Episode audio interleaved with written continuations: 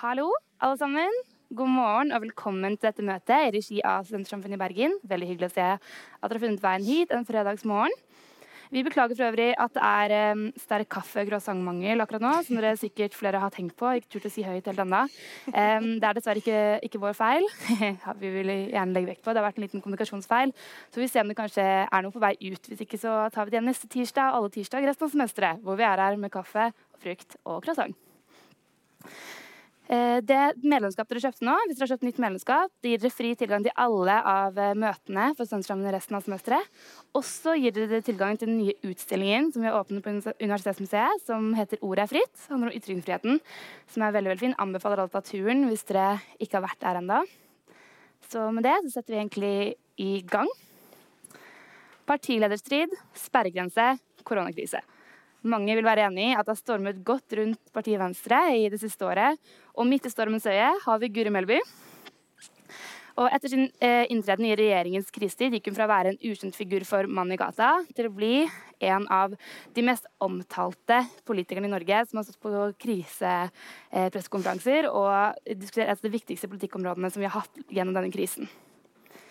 Det som viser seg å bli en av eh, de mest omtalte lederkampene i nyere norsk politikk, sto hun også igjen som den nybakte ministeren sto da igjen som leder av regjeringens minste parti.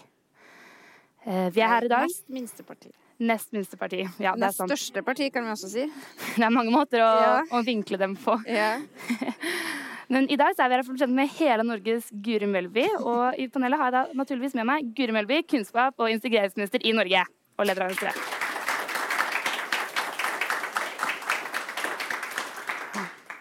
Og som du sier da, Venstre er jo et parti som er eh, ja, det er et parti som kan vinkles på mange måter. Det har vært eh, et av Norges største parti, hvis vi går tilbake til liksom, Johan Sverdrups tid.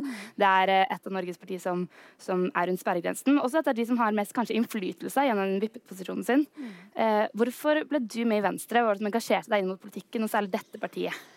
ja ehm, det var jo Da jeg var sånn eh, 17-18 år, det var da jeg begynte å liksom orientere meg litt mer blant politiske partier. Jeg har alltid vært sånn engasjert person. Sikkert sånn irriterende elevrådsperson som alltid ville blande meg inn i ting og hadde alltid meninger om ting. Men det var først da jeg begynte å liksom bry meg om politiske partier. Jeg kommer ikke fra noen sånn politisk familie eller noe, så det var ikke så naturlig egentlig å melde seg inn i et parti. Men eh, jeg var veldig opptatt av miljø. Eh, det hadde jeg egentlig vært helt siden jeg var barn. Jeg husker veldig godt på en måte sånne store katastrofer med Tsjernobyl-ulykken og sånn. Det var ting som bekymra meg veldig. Jeg husker jeg leita veldig etter hvilke partier var det som var opptatt av miljø. Og da, Jeg må jo erkjenne at jeg fant mer enn ett parti. Da var det egentlig først og fremst Venstre og SV som jeg fant, som var opptatt av miljø. Men når jeg da leste litt mer, ja, fikk se litt i program og sånn, så appellerte jo det liberale verdisynet i Venstre veldig til meg. Det her med at folk egentlig må få lov til å leve livene sine som de vil, uten at vi skal blande oss for mye i det. Eh, Det var veldig viktig for meg. Og så skal det også sies at I Orkdalen, der jeg er vokst opp, så var Venstre et ganske stort parti og hadde ordføreren. Eh, Og Første gangen jeg sjøl var med og stilte valg, da var jeg 18 år og sto langt ned på lista, men da fikk vi jo 16% eller noe sånt, og jeg kom inn i kommunestyret. Eh, Så det tror jeg også har litt å si, da, at du møter bra folk eh, der du blir med. Og får lov til å være med på ting, får lov til å ha posisjoner, får lov til å ha innflytelse. Eh, så litt sånn, Kanskje litt tilfeldig akkurat at jeg havna i Venstre da, men det er jo ikke tilfeldig at jeg er blitt værende i Venstre. Det er jo fordi at det har liksom passa veldig godt med mitt verdisyn, da. Tror jeg egentlig det er det det handler om. Så Orkdalen er på mange måter da Venstres høyeste i Norge, og en bastion for trygg partikultur i Trøndelag. Altså, det var jo det da, på 90-tallet. Nå har det dessverre gått litt, eh, litt sånn eh, ned med, med Venstre i Orkdalen. Det er jo en sånn klassisk industrikommune, egentlig. Eh, litt sånn der Arbeiderpartiet og Senterpartiet kjemper om stemmene fra bøndene og fra industrifolket. Og min hjembygd er jo det stedet der Trond Giske relanserte seg sjøl i Trøndelag Arbeiderparti. Så Spennende. det var ikke tilfeldig valgt, tror jeg. Folkets hus på Hjølme. så, så egentlig så har jeg tenkt egentlig ganske stolt over at jeg ikke ble med i Arbeiderpartiet. Ja, du har kjempet deg ut av eh, Arbeiderpartiets Ja. inn i det liberale Ja, ja, ja. Og akkurat nå så føles det faktisk veldig greit, det. Du tok Altså. noen gode valg på 90-tallet. Ja, ja, jeg tror det. Ja, det kan vi alle være enige om. Em, det har jo eh, For mange så har det kanskje vært litt ukjent før du måte kom inn i regjering og før du ble eh, leder av Venstre. Men du har jo hatt stor måte, politisk bakgrunn, men mye måte, bystyre, vært byråd i Oslo, sittet i bystyret i Trondheim, hatt mye verv innad i partipolitikken. Mm. Eh, hvordan syns du overgangen var? Du har vært møtende vare på Stortinget også, men annerledes kanskje enn det å være nå på en måte i regjering, være så mye. Hvordan har den overgangen fra å være litt mer kanskje jobbe veldig politisk, kanskje ikke måtte forholde seg så mye til mediene og liksom det store kanskje politiske men mer sånn mm. Hvordan har den overgangen vært nå? Ja, det er klart at det har vært en stor overgang. Eh, som du sier, jeg har jo vært lokalpolitiker eh, veldig lenge. Eh, det var en sak jeg ble veldig sånn, synes det var litt morsomt å lese. Kommunal rapport. Det er sikkert ikke så mange her som leser det. Men alle som er lokalpolitikere, får det gratis i posten fra KS. Jeg husker en gang jeg ble så lei, jeg prøvde å spørre går det an å slippe å få det. Men det gikk ikke an. Du måtte få det. Men eh, de hadde en sak om at jeg var den partilederen med lengst lokalpolitisk erfaring. Eh, ganske mye lenger enn alle de andre. De fleste andre partilederne har enten ingen lokalpolitisk erfaring eller et par år. Men jeg har jo faktisk 17 år til sammen som enten da bystyrerepresentant, kommunestyrerepresentant eller byråd i Oslo, som jeg også har vært. Eh, det er klart at det er en veldig annerledes verden. Uh, F.eks. det å være byråd, som på mange måter ligner litt på å være statsråd. Du har veldig sånn tydelig ansvar for et fagfelt. Uh, og det kan være ja, på mange måter ganske likt, men det er klart med et betydelig mindre mediepress enn det man har da, som rikspolitiker. Så det er klart at det å Uh, Og jeg har jo ganske kort tid på Stortinget, egentlig bare et par år, som møtende vara, mens Trine Skei Grande var statsråd. Så, så, jeg føler meg som blanding av rutinert og fersking. som har vært med veldig lenge, men ganske fersk i akkurat det her rikspolitiske gamet. da. Så det er klart at det å hoppe inn da som statsråd 13. mars, mm. idet landet stengte ned, eh, var en veldig spesiell opplevelse. Eh, jeg syns jo det var veldig spennende også, og det høres kanskje litt sånn drøyt ut å si at det å være med på noe som er en sånn krise, er spennende, men det er jo det. En veldig sånn spesiell erfaring å få være med på. Og det som jeg syns var så fint, det, for det tror ikke jeg, jeg tror ikke det vises så godt utafra, men jeg syns det var veldig godt at når jeg kom inn i regjeringa, så følte jeg meg veldig sånn del av et lag. Eh, det var ikke sånn at jeg sto der og tok masse, tok masse tøffe beslutninger alene. Det gjorde vi sammen. Uh, og jeg ble egentlig sånn positivt overraska over den sånn teamfølelsen vi fikk, og at vi jobba sammen for å finne ut noe som vi alle var enige om. Det var ikke noe sånn 'skyv deg ut i stormen og ta det'. Her sto vi sammen. Og det å stå sammen med altså Du kan si hva du vil om mennesker som Erna Solberg og Bent Høie og Monica Mæland og sånn, men det føles ganske trygt å stå sammen med dem det, jeg tenker at det her går bra. Det her skal gå fint. Og når du er litt sånn nervøs på første pressekonferanse, og liksom Erna nikker litt sånn og smiler, så føles det veldig beroligende. Ja. Så, så, sånn sett så føler jeg at det har gått greit. Det var faktisk veldig fint å komme inn i en regjering med så mange rutinerte statsråder. Ja, det kan jeg se for meg. Og du hadde jo da ansvar for, for skolepolitikken, mm. som viste seg å bli um, et viktig tema. Det er alltid viktig, men særlig nå når man for første gang um, nesten i en norgeshistorie må hindre noen å gå på skolen helt fysisk. Mm. Og Det var jo en del debatt rundt det også. Mm. og FHI mener jo på en måte i etterkant at det ikke var grunnlag for å stenge skolene. De anbefalte mot å gjøre det. Regjeringen gjorde det likevel. Og så har det gått en del sånn diskusjon rundt har det vært mer politisk spill for mm. eh, regjeringen kunne vise at sånn her er vi frempå. At de først diltet vi kanskje til Danmark og andre mer progressive land, og så kommer vi på en måte og står hardt mot hardt. og måte eh, At det var mer for å skape en tillit og aksept i befolkningen for at man måtte ha kontroll på krisene, enn at det var så faglig begrunnet. Hvordan syns du på en måte, den debatten var, og hva, hva, mener du selv i etterkant var riktig?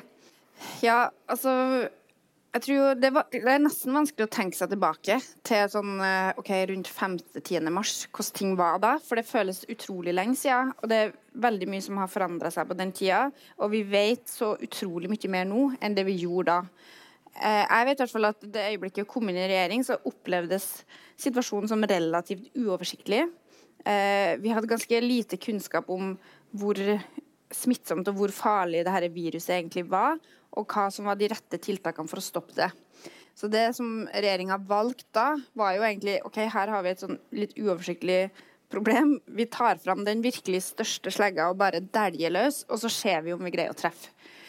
Eh, og så greide man jo egentlig å treffe ganske bra, fordi at man stoppa jo ganske effektivt smittespredning. Um, men så har vi jo sett i ettertid at det er fullt mulig å gjøre det med mindre konsekvens, da. Og, og gjøre det mye mer målretta.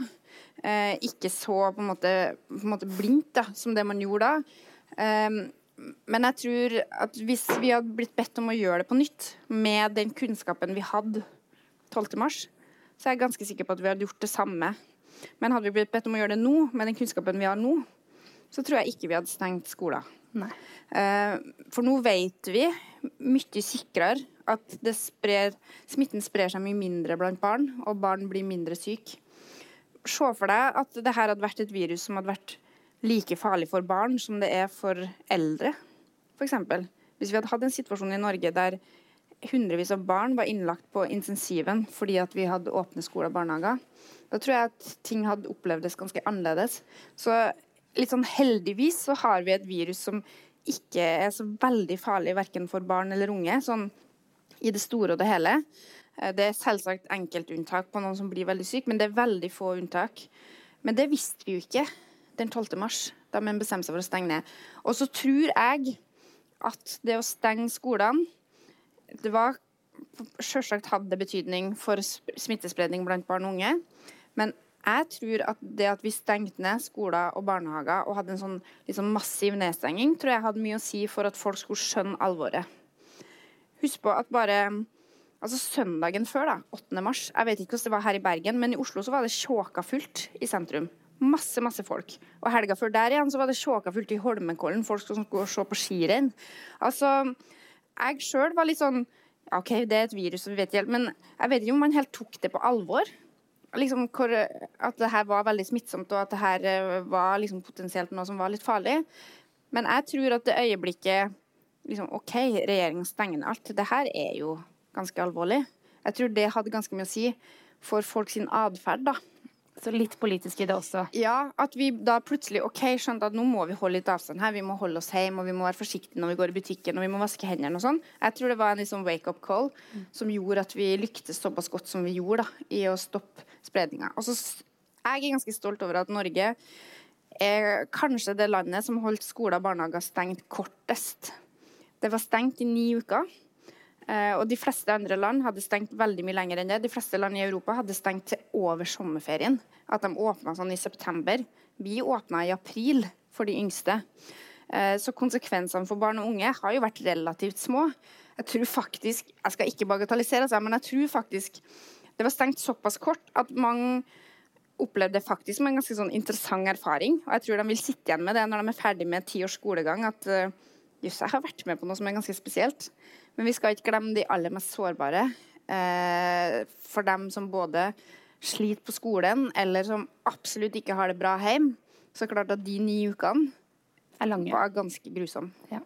Og det er kanskje det som smerter meg aller mest, at vi ikke greide Vi greide ikke å ta vare på dem godt nok. Det må vi bare erkjenne.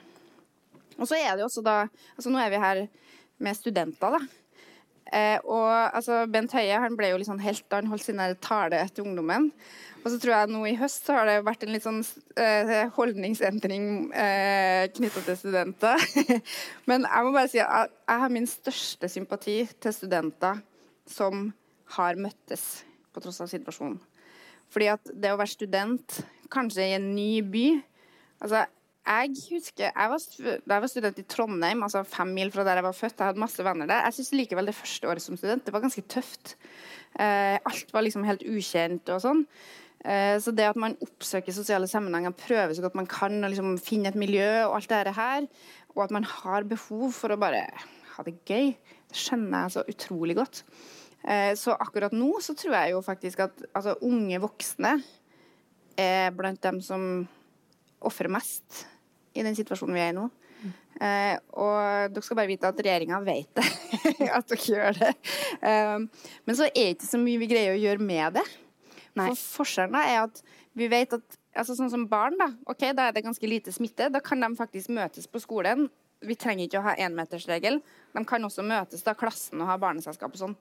Vi kan dessverre ikke lage den type regler for studenter. Jeg skulle ønske at vi kunne det. Vi skulle ønske at vi kunne sagt du, hele nordisk grunnfag, vær en kohort og kos dere. To enheter per person. Ja, ikke sant? Men det kan vi dessverre ikke. Uh, så vi får bare krysse fingrene for en vaksine. Ja. Vi kunne snakket om dette et helt møte, men vi må bevege oss videre. fordi uh, med Venstre så er det mange ting å ta av. Det står i rad. Og Altså, vi kan begynne med, Hvis vi tar kort inn på koronakrisen, hvis vi er inne på det, så har jo flere av regjeringspartiene opplevd liksom en, en boost knyttet til det å være på en måte et parti i krisetid. Kanskje man kan sammenligne med Arbeiderpartiet etter krigen. Mm. Frp mistet jo denne boosten da de gikk ut rett før. Det var jo kjempetabbe for dem, kan vi noen si. Um, og er det da på en måte sånn um, har dere opplevd det? Og er det på en måte da, kanskje et paradoks at når, når Venstre det er stormet innad i Venstre, mm. eh, med på en måte kanskje litt personkonflikt og mer lederstrid denne type kampen, så har det på en måte man stått veldig samlet i på en måte utad i norsk politikk. Og har dere opplevd på en måte en, en effekt av den samlende ja, har dere gått til det?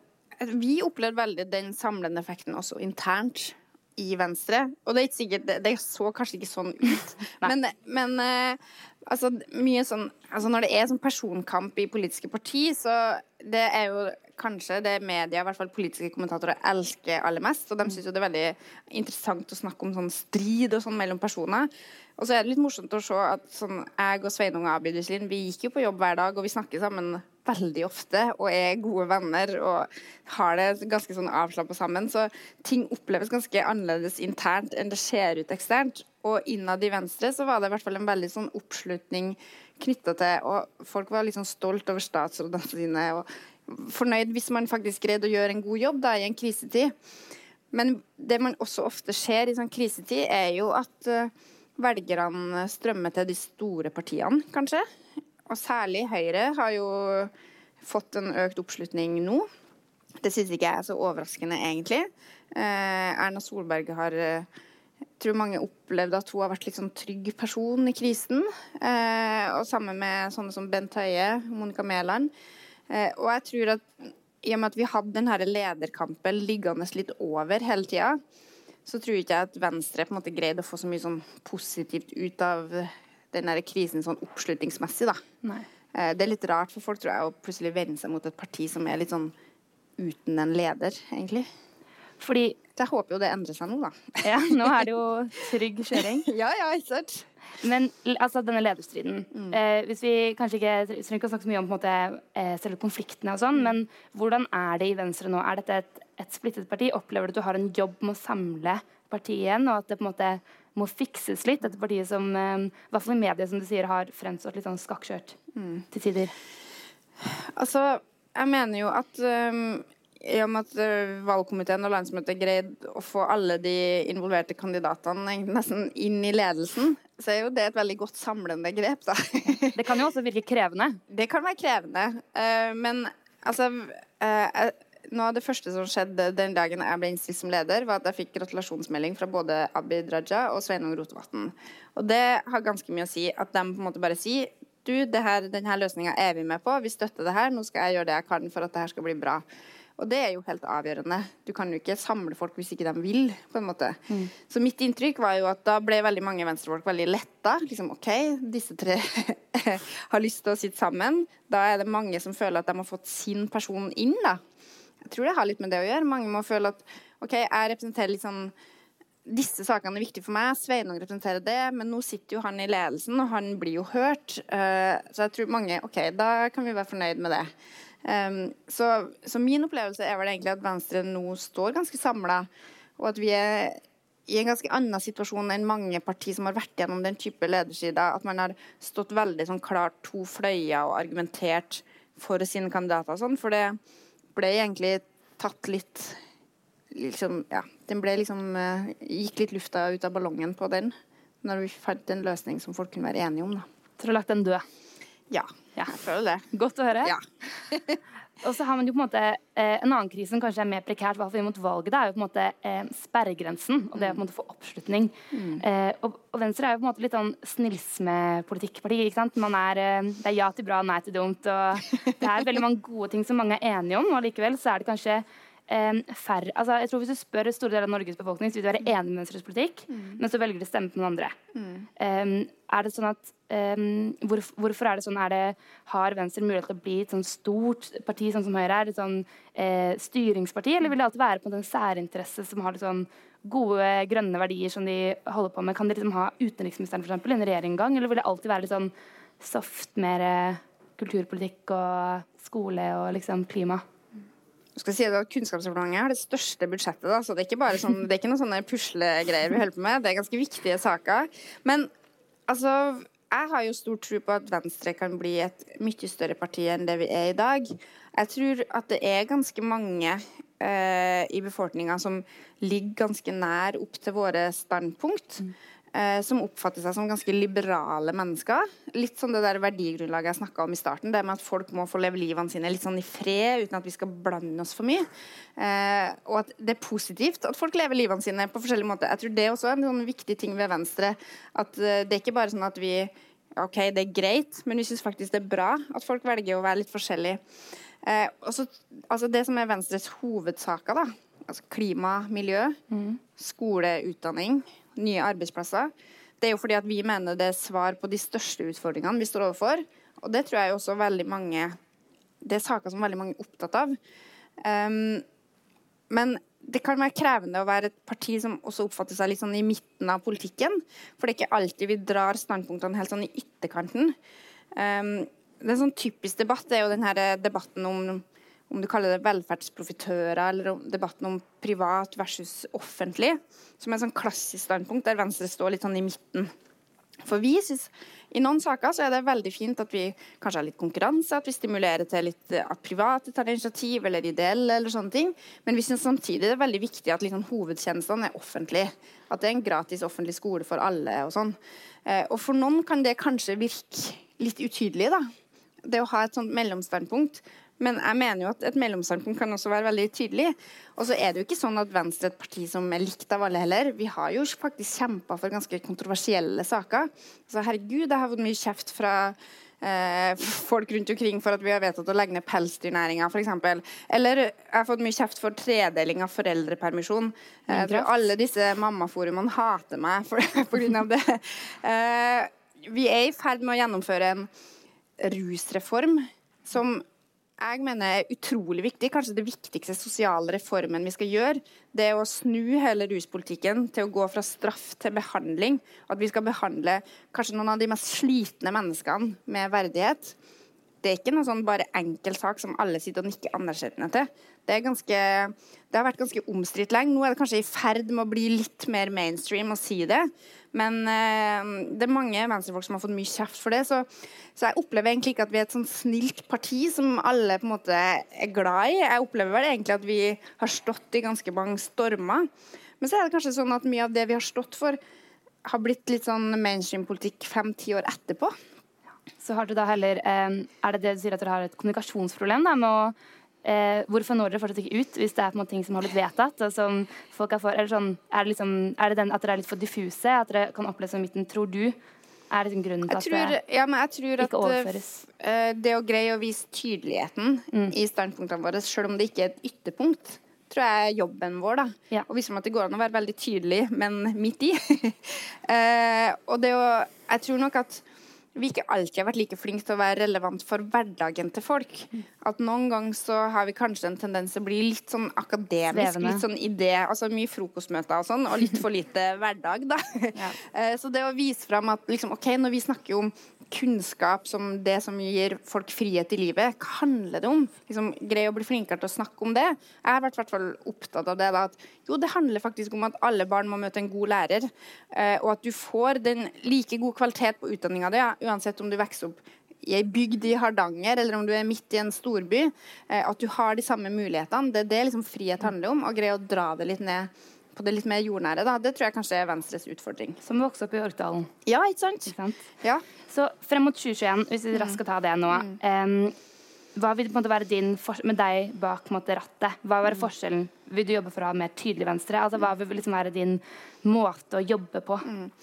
Ja, For meg så er det viktig å ha et tydelig liberalt Venstre. Et Venstre som alltid tar et klart standpunkt i liberale, prinsipielle saker, men som også er relevant i hverdagen til folk. Enten det handler om miljøutfordringer, eller det handler om å bygge kunnskapssamfunnet vårt. Eh, det tror jeg er liksom mitt eh, prosjekt. da. Ja, og snakke om klare standpunkt. Mm. Da har vi jo en viktig på en måte, um, sak å diskutere frem mot valget 2021. Um, er jo på en måte dette regjeringsborgerlige prosjektet og regjeringssamarbeidet hvor Frp da har vært sentral. Og selv om Frp nå har gått ut, så er de fortsatt en del av disse budsjettforhandlingene som man nå vil gå inn i. Um, noen har jo vært veldig tydelige, sånn som Terje Breivik har jo sagt sånn Vi må ha et klokkeklart nei til å gå inn i regjering med Frp. Hva tenker du om det? Altså, mine 17 år som lokalpolitiker har vist meg at det å gjøre det du kan for å få innflytelse, det gir mening til politikken. Så det å bare diskutere politikk på seminar, det er ikke jeg interessert i. Jeg er også interessert i å få gjennomført ting. Da må man søke makt. Og Derfor er jeg for at Venstre skal gå inn i regjering, sjøl om det var kontroversielt da. Og så mener jeg også at Hvis ikke Venstre hadde gått inn i regjering sammen med Høyre og Frp, så hadde vi jo fortsatt hatt en regjering med Høyre og Frp. Og jeg er veldig glad for at vi i dag har en regjering med Høyre, Venstre og KrF, i stedet for en regjering med Høyre og Frp. Så det er noe med å noen gang gå inn i litt vanskelige ting, tror jeg er ganske viktig. Men så er det ingen tvil om at for oss så er det utrolig mye enklere å sitte i regjering med Høyre og KrF enn det var å sitte i regjering med Høyre, og Frp og KrF. Så det at vi, vi kommer til å gå til valg på den regjeringa vi sitter i, og gå til valg på at den blir gjenvalgt. Eh, og så må vi forhandle i Stortinget for å få flertall for saka. Jeg mener at Norge lever veldig godt med mindretallsregjeringa. Jeg mener faktisk at det kanskje på mange måter er det beste, selv om det hender at vi ikke får gjennomført sakene våre. Så tror jeg, altså, jeg tror Når vi ser den politiske utviklinga i mange land, altså bare se til sånn Storbritannia og USA med veldig sånn polariserte debatter, og det er jo part, eh, demokratiske system som er veldig prega av to store partier som på en måte drar politikken helt til hver sin retning. Norge har jo et mye mer sånn konsensusorientert system. Det kan noen ganger være litt sånn kjedelig og litt sånn wishy-washy. Vi er jo virkelig kompromissenes land. ikke sant? Vi inngår store forlik når vi skal gjøre store ting. Skatteforlik og pensjonsforlik og klimaforlik, asylforlik. Men det gir jo en sånn veldig stabilitet i politikken. Og jeg tror også at det hindrer at debatten vår blir veldig polarisert. For jeg tror det betyr at også mange litt sånn mindre interesse faktisk innimellom opplever at de blir hørt, opplever å få gjennomslag. Eh, så jeg har jo, jeg syns jo den norske modellen er veldig god, og jeg tenker jo at uh, ja, så det er ikke Det er ikke uaktuelt med regjeringssamarbeid med Frp i 2021? Jeg mener det er et ganske hypotetisk spørsmål. Frp har sjøl sagt at de ikke vil sitte i regjering med oss, så det får være deres valg. så kan vi lese hva vi vil ut av det, selvfølgelig. Ok, Vi skal gå litt over til på en måte, mm, Nå begynner tiden å renne ut, men dagens liksom, politiske største saker, og en sak der som vi må snakke om, er jo partiet Sentrum. Mm. Altså, De har jo på en måte gått inn og Hvis man sier at Venstre er snillismepolitikk, så er jo dette kanskje det ideale når man baserer det på FNs bærekraftsmål og menneskerettighetene ja. som grunnlaget for en politisk plattform, så begynner det å bli veldig, veldig snilt. Mm. Det, ser du på det som en trussel mot venstrevelgere? Nei, har jo, jeg tror Forrige lokalvalg så tror jeg MDG stort sett overalt gikk inn for, gikk liksom på en plattform av bærekraftsmål òg, så det er jo bare copy-paste fra MDG. um, altså jeg, jeg, um, Det er ikke sånn at jeg frykter det partiet sentrum. Det kan hende jeg må bite i meg de ordene senere, altså. Men um, mitt inntrykk er vel at de uh, først og fremst baserer seg på Uh, enten litt sånn uh, misfornøyde KrF-ere og desillusjonerte sosialdemokrater. Uh, og der har egentlig ikke venstrefolk så veldig mye til felles med noen av de gruppene. det er mitt inntrykk. Um, men det er åpenbart at de er jo en konkurrent i og med at de har jo mange av de samme sakene som Venstre. Klima, asyl, innvandringspolitikk og sånne ting. Um, jeg mener jo det vil være uheldig altså det å splitte splitte opp alle de stemmene som er for det, da. Eh, hvis det ender opp med at alle de partiene, altså hvis Venstre, MDG og alle de partiene kommer under sperregrensa, så tror jeg jo at folk som er opptatt av de sakene, vil få mindre innflytelse enn om de stemmer på de partiene som er et hakk mer etablert. Da. Eh, så jeg tror ikke det vil gi mer gjennomslag for en slags sånn sentrumspolitikk. Men jeg tror jo de trenger å definere et litt tydeligere prosjekt. Hvis de skal Altså hvis vi sliter med utydelighet, så da tror jeg eh, Da har vi fått en god konkurrent der, i hvert fall. Ja.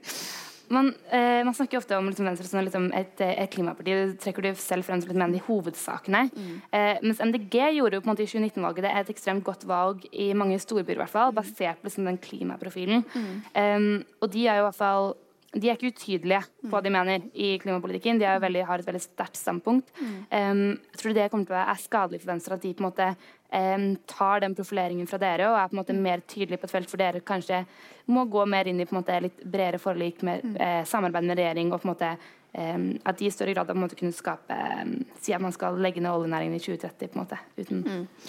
Altså, Jeg vil aldri si at det er negativt at det er flere partier som både bryr seg om klimapolitikk, og som løfter det opp, og som bidrar til at flere folk finner et alternativ å stemme på, som også engasjerer seg for klima. Det syns jeg er bra. Uh, men så må man åpenbart anerkjenne at MDG er en konkurrent da, for Venstre, i og med at vi har da samme hovedsak, egentlig, klima. Eh, jobben vår er å vise frem at vi har en bedre klimapolitikk som faktisk funker. Altså, nå har vi kutta utslipp fire år på rad nasjonalt. Det er ikke noe som bare kommer av seg sjøl. Det har ikke vært enkelt. Det har vært basert på tøffe kamper som vi har gjort over mange år, og som gir resultater. Og jeg mener jo faktisk at MDG fortsatt har til gode å vise frem at politikken sin virker. Og det håper jeg at velgerne kan se litt på. Eh, at for å være et vellykka parti, da, så må jo faktisk politikken funke. Det må ikke bare være bra retorikk, det må faktisk også funke. Og i Oslo, der MDG er med å styre og har stor innflytelse, så har da altså utslippene gått opp. Uten at de egentlig helt greier å forklare det. Ja, men Der endret de også regnemåte. SSB eh, endret hvordan de regnet ut måte, de utslippene. Så det er, det er ikke så lett, er det ikke det? De har faktisk gått opp ganske betydelig.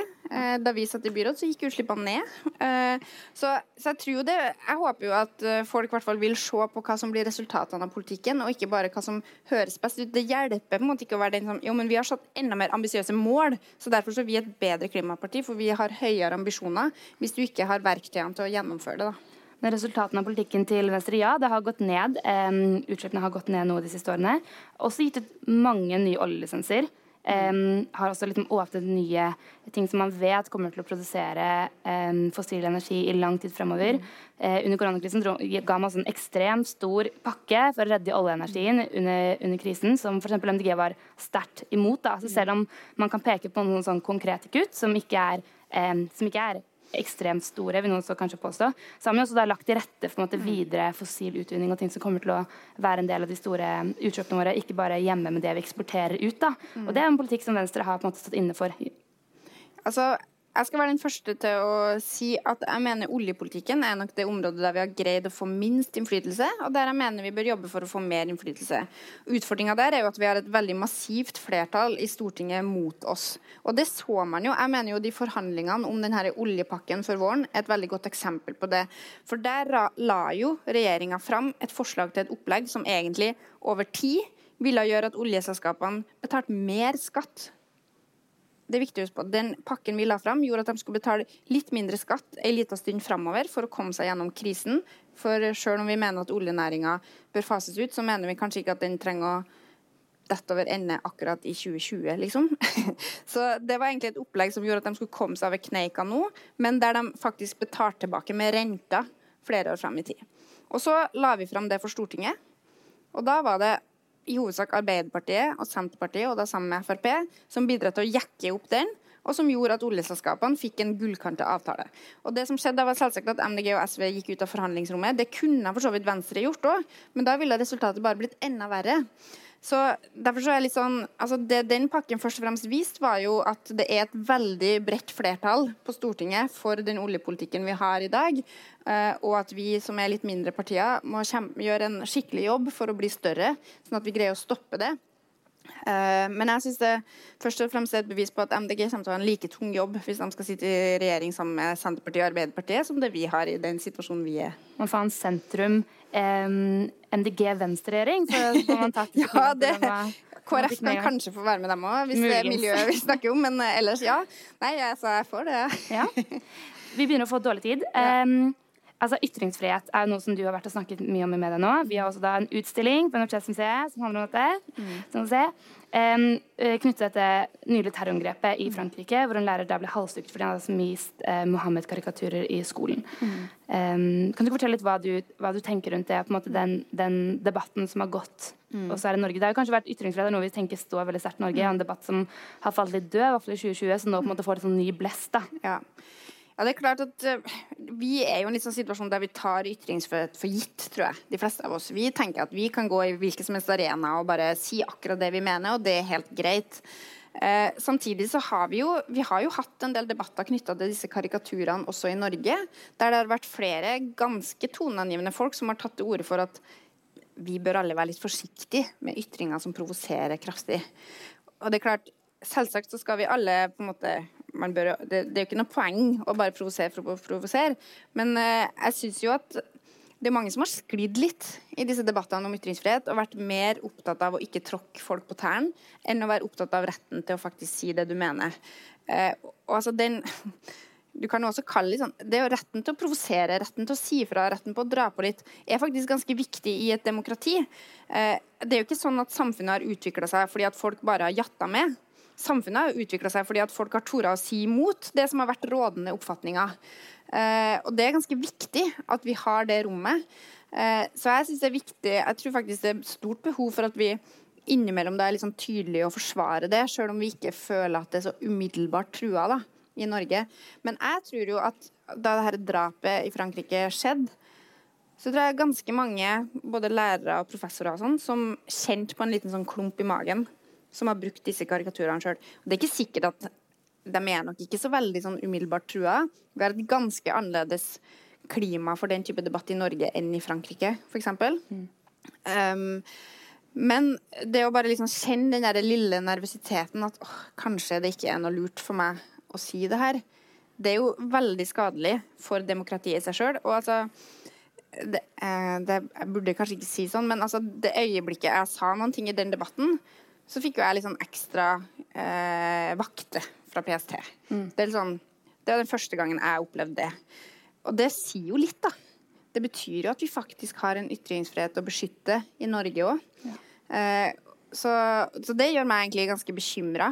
Eh, at det er sånn. Og Derfor syns jeg det er utrolig kult at dere har en utstilling som, som tar opp akkurat det. At ikke det er på en måte noe som vi tenker ja, det er bare sånn Det er bare sånn svulstige ord. Det er bare sånn Eh, sånn som vi smykker oss med, men at det er faktisk en viktig kamp. Og det er noe som kan forsvinne ganske fort. I fjor, for et drøyt år siden, så var jeg i Hongkong. Uh, og mange som har vokst opp i Hongkong, har nok opplevd at de har vokst opp i et sånn demokratisk, fritt, åpent samfunn. Og så opplever de nå at de mister disse frihetene. Uh, og altså, Vi er også i en veldig annerledes situasjon enn Hongkong. Vi kan liksom ikke sammenligne oss med det.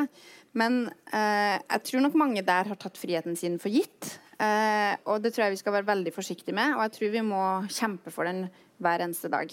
Vi har jo også pågående rettssaker i Norge nå med angrep mot demokratiet som eh, det har vi. Vi må ta i. Mm. Eh, vi tar et siste spørsmål her nå før vi går over til spørsmålsrunde fra salen. Så hvis dere har noe dere lurer på, så er det bare å forberede seg. Eh, vi snakket jo om Frp i stad, og om Frp i regjering. Nå har de gått ut.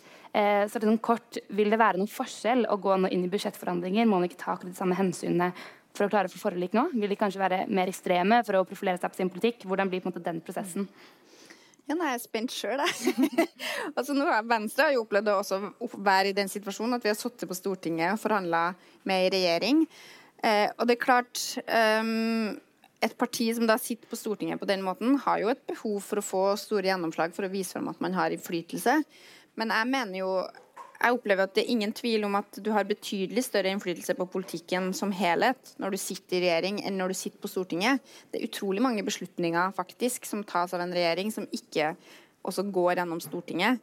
Eh, men det er klart, jeg tror det blir ganske krevende forhandlinger, ja. Mm. Eh, det som jeg håper på, da, er jo at eh, Frp er like opptatt av at vi skal ha en fortsatt god håndtering av den krisa vi er i, og ikke bare opptatt av sine egne symbolsaker.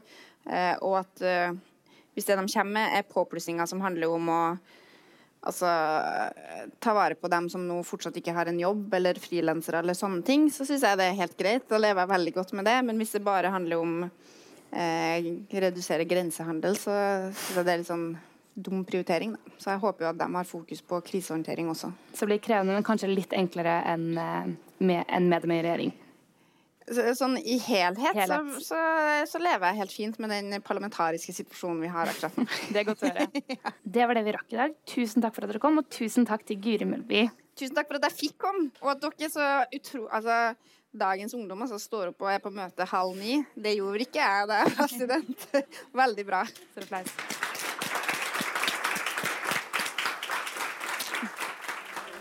なんだ?